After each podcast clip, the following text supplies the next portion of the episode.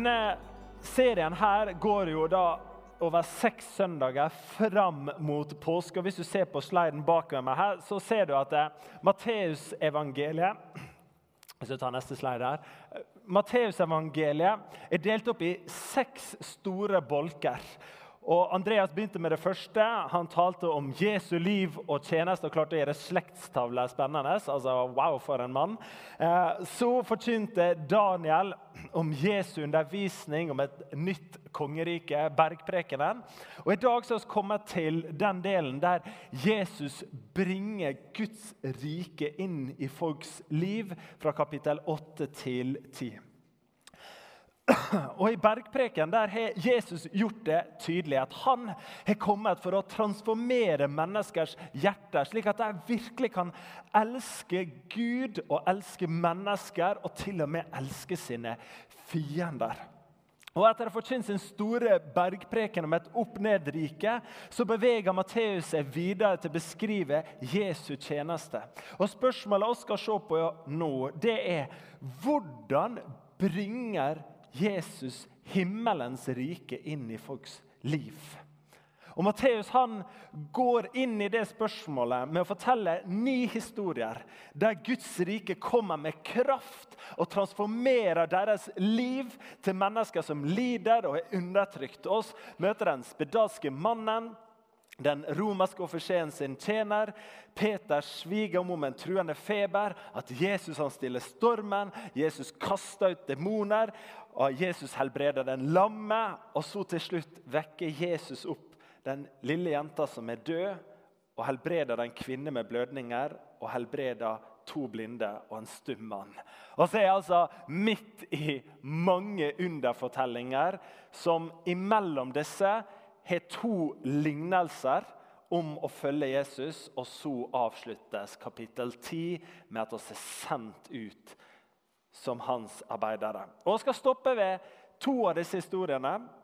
Så vi skal se litt på den ene lignelsen, og så skal vi til slutt se hvordan Jesus har sendt oss ut. Og Kapittel 8 det begynner med at Jesus går ned fra fjellet. og Jeg var, fikk gleden av å sammen med Vetle og dra til Israel i fjor, i april. Og Det er ikke lange gåturen ned fra Lilleberg, bergprekenen der oppe, ned til sannsynligvis Kapernaum eller en annen by der Jesus kom. Og Umiddelbart så møter han en spedalsk mann som faller ned og roper. 'Herre, om du vil, så kan du gjøre meg ren.' Og Det spørsmålet der, det vekker flere spørsmål til oss. Hva vil Gud med lidelse og ondskap som det er så masse av i denne verden? Bryr Gud seg i det hele tatt om våre liv, våre sykdommer, våre utfordringer? Så les oss videre. Jesus rakte ut hånden, rørte ved ham og sa, 'Jeg vil bli ren'. Jeg vil. Den første historien av disse ni starter med at Jesus allerede helt fra start proklamerer 'Jeg vil'. Og De ordene gir en gjenklang til de mange profetiene i Det gamle testamentet som taler om at Gud en gang skulle komme for å hjelpe de som var hjelpeløse. Hør disse vakre ordene fra Jesaja 49. Jubler du himmel, og gled deg du jord. Bryt ut i jubel, dere fjell. For Herren trøster sitt folk og er barmhjertig mot sine hjelpeløse. Sion sier, vi sier, Herren har forlatt meg. Herren har glemt meg. Men til det svarer Gud. Kan en kvinne glemme sitt diende barn? En omsorgsfull mor det barnet hun bar? Selv om de skulle glemme, skal ikke jeg glemme deg. Gud han identifiserer seg i denne teksten med en kjærlighetsfull mor som viser omsorg for sitt barn. At Guds kjærlighet er sterkere enn morsinstinktet. Og Jesus han sammenligner seg også med en mor i Matteus 23, 27, 37. Når han sier hvor ofte vil jeg ikke samle barna dine som en høne samler kyllingene under vingene sine, men dere ville ikke.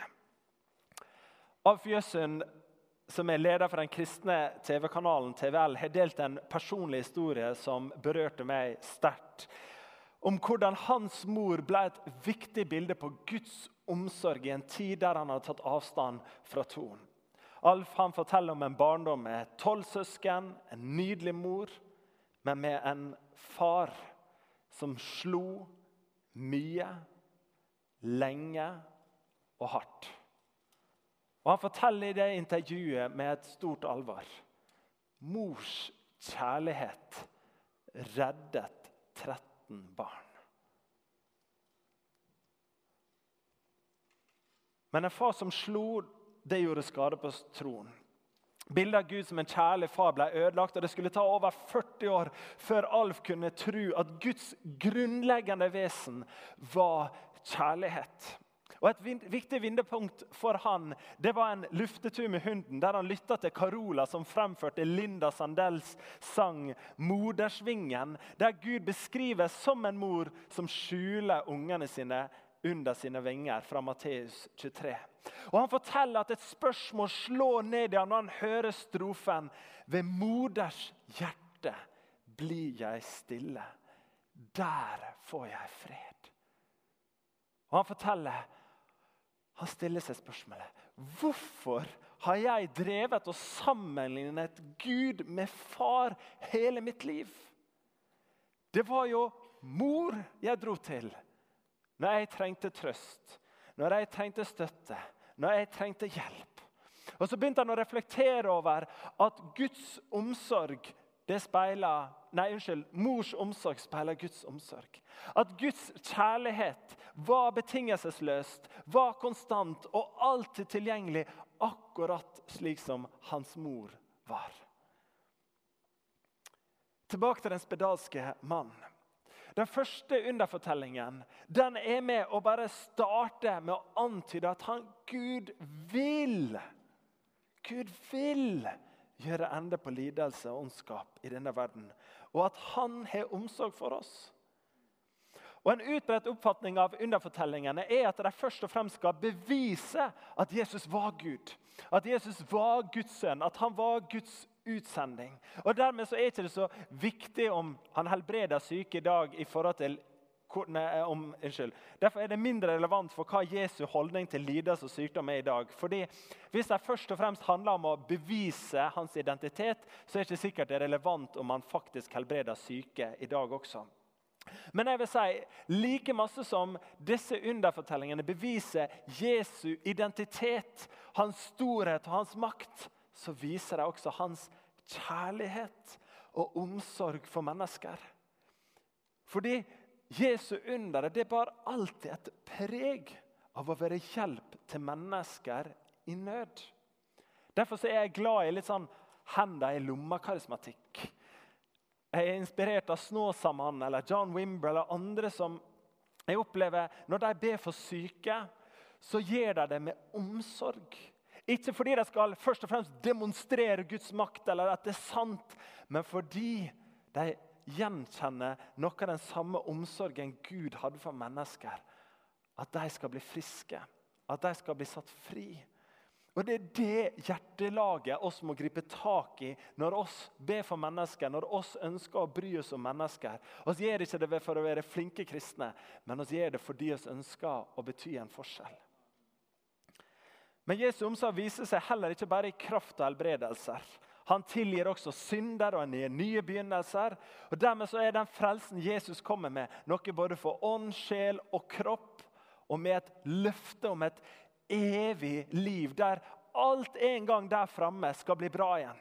Alle disse underne her peker på en ny tid. En tid der det ikke skal være sykdom, der det ikke skal være lidelse, der det ikke skal være naturkatastrofer, men en ny verden der alt er satt i stand igjen. Og så skal vi nok en gang få lov å smake at himmelen berører jorden her som smakebiter på det som en gang skal komme. Men det er også smakebiter. Og Derfor så innbyr det også oss til tro. Tro på Jesu kraft og kjærlighet. Tro på at nye mennesker kan få lov å søke Jesus og få hjelp av ham. For selv om Jesus ikke går her fysisk til stede, så tror vi at han er i rommet. Oss tro på løftet at der to eller tre er samlet, er jeg midt iblant dere. Derfor så utfordrer disse bibeltekstene oss til å tro at Jesus han er her med samme vilje til å hjelpe da som nå. Og Det bringer spørsmålet hvem eller hva er det du kan bringe til Jesus? Og våger du å tro at Guds grunnleggende vesen er kjærlighet? At han er som en endeløs elv av omsorg og kjærlighet. Han er kjærligheten, og at han vil være for deg. Og skal bevege oss videre til en av Jesu lignelser. Og Konteksten for denne lignelsen det er at Jesus er gjest i huset til Matteus, tolleren, som nettopp har begynt å følge han. Og Mange tollere og syndere de er blitt invitert til å delta i dette måltidet. Og Da kommer spørsmålet fra fariseerne, som var opptatt av å følge reglene til punkt og prikke. Og De sier, 'Hvorfor spiser mesteren deres sammen med tollere og syndere?' Men Jesus hørte det og sa, 'Det er ikke de friske som trenger lege, men de syke.' Gå og lær hva dette betyr. Det er barmhjertighet jeg vil ha, ikke offer. Så sa han videre i vers 16.: Ingen setter en lapp av ukrympet tøy på et gammelt klesplagg. For en slik lapp vil rive med seg et stykke av plagget, og riften blir verre. Man fyller heller ikke ny vin i gamle skinnsekker, for da revner sekkene, og vinen renner ut, og sekkene blir ødelagt. Disse to lignelsene her jeg skal begynne med vin og plagget. Vin og plagget det peker på at det kommer noe nytt. Og dette nye det er så masse bedre enn det gamle. Og Det peker på at alt det gamle, denne gamle måten å leve på, begrensningene som finnes, det blir utdatert når det møter den frelsen og gaven Jesus kommer med med sitt nye rike. Og Det nye det avdekker samtidig forgjengeligheten i det gamle. Og Dette nye er ikke bare noe nytt som stilles opp mot den gamle pakt som jødene følger, men mot hele samfunnets måte, gamle måte å leve på. Det er utdatert. Det er kommet en ny måte å leve på. Det er ikke øye for øye, tann for tann, men det er tilgivelse. Det er en ny måte å leve på. Og Jesus er kommet for å bringe Guds rike, og det er et annerledes rike. Og Historikeren Tom Holland, som har hatt Romerriket som sitt forskningsfelt, har de siste årene bidratt til å synliggjøre for oss alle hvilke store moralske og samfunnsmessige endringer som kom med kristendommen. Det ble virkelig et annerledesrike, slik Jesus hadde forutsagt. Og Resultatet ble boken med følgende tittel Dominion How the Christian Revolution Remade the World. Og Det bringer meg til neste tanke fra lignelsen. Hvem er denne revolusjonen for? Hvem ligger på Guds hjerte? Jesus sier i vers 15, som jeg ikke tok med, 'Jeg er ikke kommet for å kalle rettferdige, men syndere.' For på Jesu hjerte så ligger det den som lider. På Jesu hjerte så ligger de som er fanga i synd, som ødelegger livet og relasjonene. På Jesu hjerte så ligger det de som er utafor, for de som er utstøtt, for de som er fremmed. På Jesu hjerte så ligger de som er marginalisert, og som er utsatt for urett. Og Når jeg kommer nærmere hans hjerte, så vekker det i meg en lengsel etter å være Jesu hender og føtter. Og jeg elsker det ordet. Til å være med på hans kjærlighetsrevolusjon. Men så er det sånn sjøl som pastor, i en travel hverdag med hus, barn, fritidsambisjoner og alt praktisk, så kan dette bankende hjertet havne litt i bakgrunnen.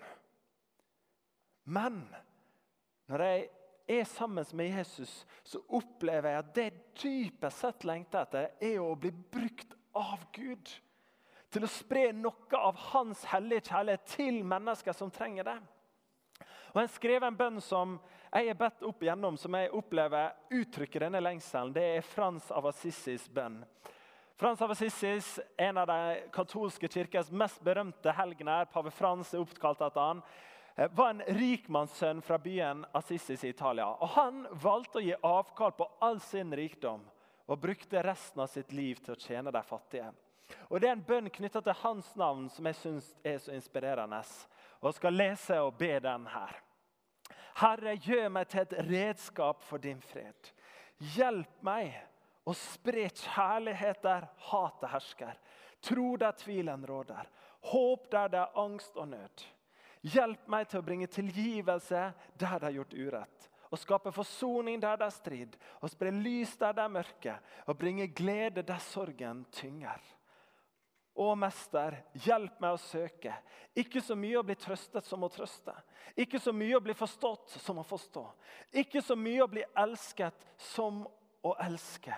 For det er ved å gi at vi får, ved å tilgi at vi blir tilgitt, og ved å miste vårt liv at vi finner det. Og det er ved å dø at vi oppstår til evig liv. Amen. Det første delen jeg har lyst til å male for det her, var at Herren vil. Jesus vil. Hans omsorg, hans bankende hjerte for de som lider. Men så skal vi bevege oss nå inn i fortellingen om Jairus datter og kvinnen som rørte ved Jesu kappe. Og Jeg har lyst til å lese den teksten, og jeg håper du blir utfordra til å tro at Jesus ikke bare vil, men at han kan gjøre noe med våre problemer. Mens han talte til dem om dette, kom en forstander. det er en jødisk synagogeforstander, en ledende mann i det jødiske samfunnet, og kastet seg ned for ham og sa.: Datteren min er nettopp død, men kom og legg hånden din på henne, så får hun leve. Jesus reiste seg og fulgte med ham sammen med disiplene sine. Nå var det en kvinne der som hadde hatt blødninger i tolv år. Hun nærmet seg Jesus bakfra og rørte ved dusken på kappefliken hans, for hun sa til seg selv om jeg bare får røre ved kappen hans, blir jeg frisk. Jesus snudde seg, og da han fikk øye på henne, sa han, 'Vær fremodig, datter. Din tro har frelst deg.' Og kvinnen ble frisk med samme stund. Og Da Jesus kom til forstanderens hus og fikk se fløytespillerne og den støyende flokken, sa han, 'Gå ut! Jenta er ikke død, hun sover.' Men de bare lo av ham. Men så snart folkemengden var sendt ut, gikk han inn, tok jenta i handa, og hun reiste seg opp. Og ryktet begynte å spre seg over hele landsdelen der. Denne dobbelte underfortellingen den handler om to kvinner. Og så har jeg akkurat hørt at Jesus han er kommet til de bortkomne, til de fattige, til de som er syke. Men denne lille piken som nettopp er død, hun tilhører jo hjemme blant de velansatte. Synagogeforstanderen som både har en religiøs og en økonomisk posisjon. Mens kvinnen med blødninger hun er både økonomisk, sosialt og medisinsk ruinert av sin sykdom. Og hun er utafor det gode lag, fordi ifølge Moseloven så var hun uren. Men hos begge så skal vi merke oss hvilken sterk tro på Jesus de har. Alle evangeliene forteller denne historien. Og Der gjør det klart at datteren var død innen Jesus kom til henne. Men hos Matteus så er datteren død allerede da Jairus ber om hjelp. Og Dermed så blir det enda tydeligere hvilken sterk tro på Jesus han hadde. Fordi I jødisk tradisjon så var det kun Gud alene som hadde nøkkelen til oppstandelsen fra de døde. Og Jairus han tør å tro at Jesus kan gi datteren liv igjen. Og Det samme gjelder kvinnen med blødninger. Hun våger ikke å spørre Jesus direkte om forbønn, for da gir, hun sannsynligvis Jesus uren, og det tør ikke hun. Men hun har tro om at hun bare kan få lov å berøre kappefliken hans, så vil hun bli frisk. Og med disse to dristige troene, der de tør å være sårbare, for det må vi være, og bringe vår nød til Jesus og gripe tak i han. For hva gjør Jesus? Han griper inn. Og begge hentes tilbake til livet. For Jesus både vil og han kan hjelpe. og Han sprenger religiøse og sosiale grenser for å gjøre det. Og der blir oss utfordra til å tro. Tør oss å tro at om vi får kontakt med Jesus, om vi ber han om hjelp, så kan han få lov å være der med hele sin makt og med sin godhet. Jeg ble utfordra på dette her for noen uker siden på LED24. Jeg kom på bord med noen fra Evangeliesenteret, og bak meg her så ser dere fra vår årlige grillfest utenfor Evangeliesenteret. Og Jeg syns endringsprosesser er spennende, så jeg spurte gutta fra Evangeliesenteret du, hvordan er et rehabiliteringsløp hos dere. Har dere gruppeterapi? spurte jeg. Nei, vi ser vel ikke noe sant. Vi ser jo litt samtaler og refleksjoner i grupper av og til, men ikke noe sånn fast program. Ja, har dere, Bruker dere sånn kognitiv terapi eller noe sånt? da? Nei, vi prater jo selvfølgelig med folk og tilbyr veiledning, men ikke det. Ja, men Er det noen andre verktøy dere bruker, da? Så svarer jeg men du vet, Halvard. De fleste av oss har prøvd alt før. vet du. Og oss vet at det er Jesus som virkelig setter folk fri. Det er bare han som kan frelse. Det er han som helbreder. Og så må bare få, folk til å flytte, få Jesus til å flytte inn på innsida. Så ordner ting seg. Så det viktigste oss gjør, det er kristne møter, bønnesamlinger, og at det er de som er kommet til tro, vitner til de nye som er kommet inn. Og Jeg satt på bordet der skikkelig utfordra og inspirert av deres frimodige tro på Jesus Kristus. At troen på et møte med Jesus kan forvandle et liv. For det var jo derfor jeg også ble pastor. Fordi jeg hadde sett hvilken forvandling som hadde skjedd i eget liv når Gud fikk flytte inn på innsida. Og jeg hadde sett det i så mange andres liv når de fikk tak i Jesus hvordan det endrer deres liv. Og ja, jeg tror på gruppeterapi. Jeg har lest uendelige bøker om kognitiv terapi. Men som Carl Jung, den kjente psykiateren, konstaterte etter å ha jobba med utallige alkoholikere Rusavhengige ble ofte helbreda gjennom en åndelig opplevelse. Så ja takk til god holistisk behandling. Men som kristne så må vi oss miste synet av kraften i evangeliet og at Jesus han forvandler mennesker. At noen som er her i dag, kan få lov å bare strekke seg ut mot Jesus, og så tar han deres sykdom. Enten det er åndelig, fysisk, eller at han kan snu synden i livet ditt som henger fast, og gripe tak i deg, relasjonsproblemene. og Så kan han komme inn, og så kan han fikse det. Lise Karlsen, som sammen med sin mann Ludvig grunnla Evangeliesenteret, hun skriver i boken 'Jesus er mitt håp' ti år etter oppstarten. Å, hvor god Gud er! Jeg kunne skrevet side opp og ned om alt han har gjort. Alle de familiene som har vært på senteret og blitt gjenforent. Foreldre som har fått igjen omsorg for barna sine som har vært i fosterhjem. Han elsket oss først. Han døde for oss mens vi ennå var syndere. Men han lever i dag og går rundt og gjør vel. Og min bønn er at Jesus til Jesus er at jeg alltid må være fylt av hans kjærlighet. Slik kan jeg få lov til å være noe for andre. Kan ikke det være vår bønn? At oss alltid må være fylt av Jesu kjærlighet, slik at vi skal ha noe å gi til andre. Det bringer oss til siste del, kapittel 10, der Jesus sender ut disiplene. og skal lese de to siste tekstene. Disse tolv sendte da Jesus ut og påla dem. Ta ikke veien til hedningene og dra ikke inn i samaritanernes byer. Gå heller til de bortkomne sauene i Israels hus. Gå og forkynn Himmelens rike er kommet nær. Helbred syke, vekk opp døde, gjør spedalske rene og driv ut onde ånder. Gi som gave det dere fikk som gave.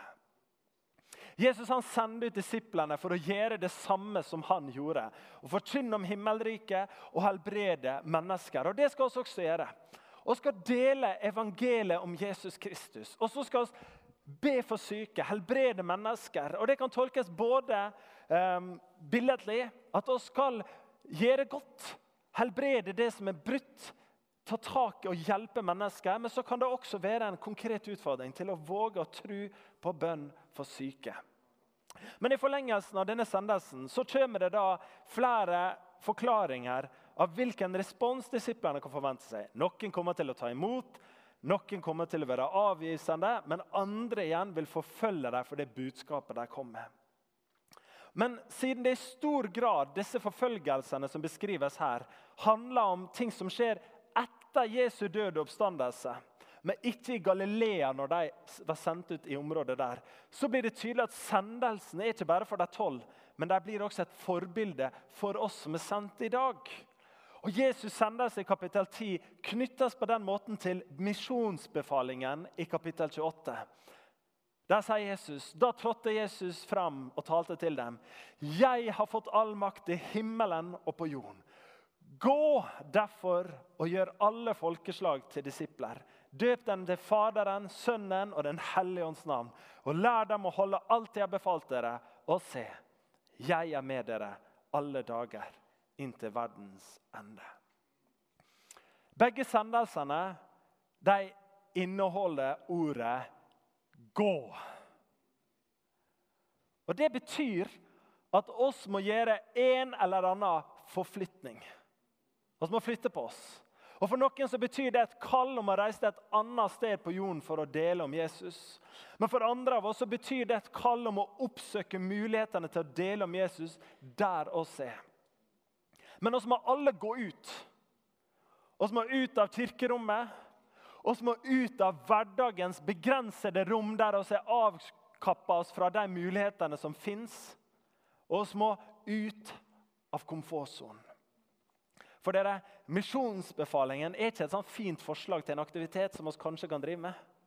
Men det er en befaling fra Jesus Kristus.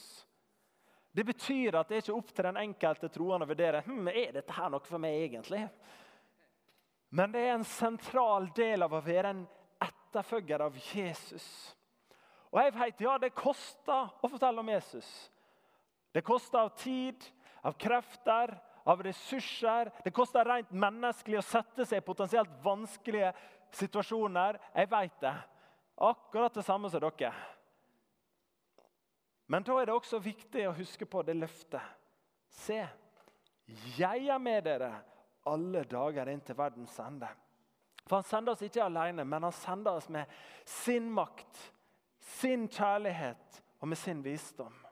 Og jeg tror at det nettopp i Jesu nærvær ligger også, befaling, ligger også nøkkelen til å leve ut Jesu befaling.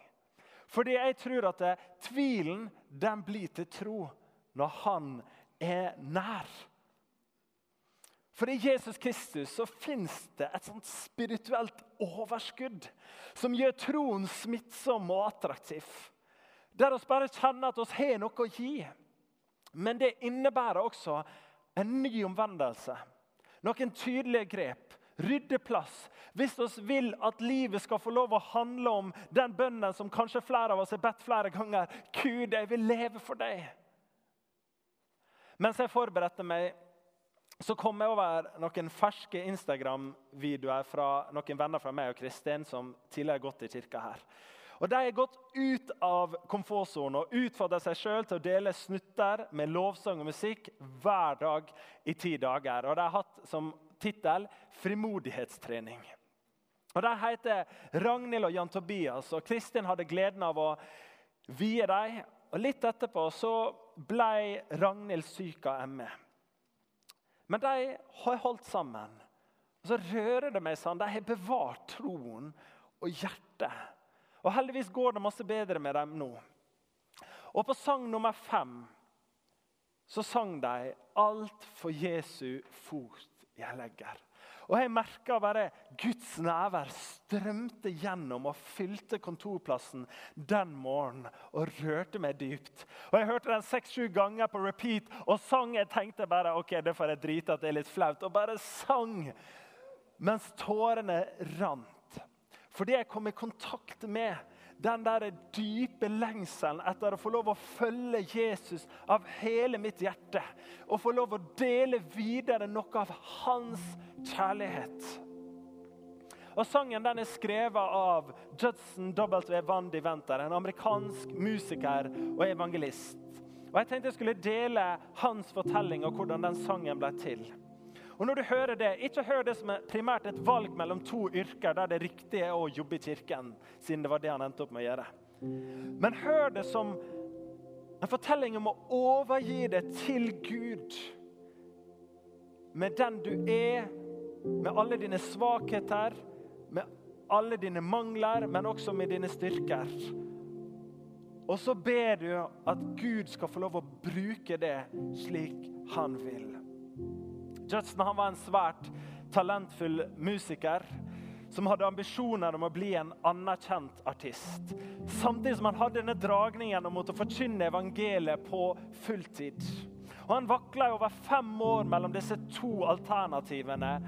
Men så til slutt så bestemte han seg for å gi alt til Jesus. Han skriver Lenge kjempet jeg mellom å dyrke mine kunstneriske talenter og det å vie meg fullt ut til misjonen. Men til slutt så kom det skjellsettende øyeblikk i mitt liv, og jeg overga meg fullstendig til Gud. Et nytt kapittel ble blåst inn i mitt liv, og jeg ble en evangelist. Og oppdaget dypt i min sjel en skjult gave som tidligere var ukjent for meg. Gud hadde plantet en melodi i mitt hjerte. En øm og vakker akkord som fikk meg til å synge. Og ut kom sangen i surrender all. Alt for Jesu fot jeg legger. Og Jeg tenkte å skulle avslutte med siste strofen fra den. Alt for Jesu fot jeg legger. Ja, jeg gir meg helt til deg. Fyll meg med din kraft og nåde, og med din fred velsign du meg. Du har nå hørt en podkast fra Filadelfia-kirken i Oslo. Vil du vite mer om oss, gå inn på filadelfia.no. Og ikke minst velkommen til å feire gudstjenester med oss hver eneste søndag, enten fysisk eller online.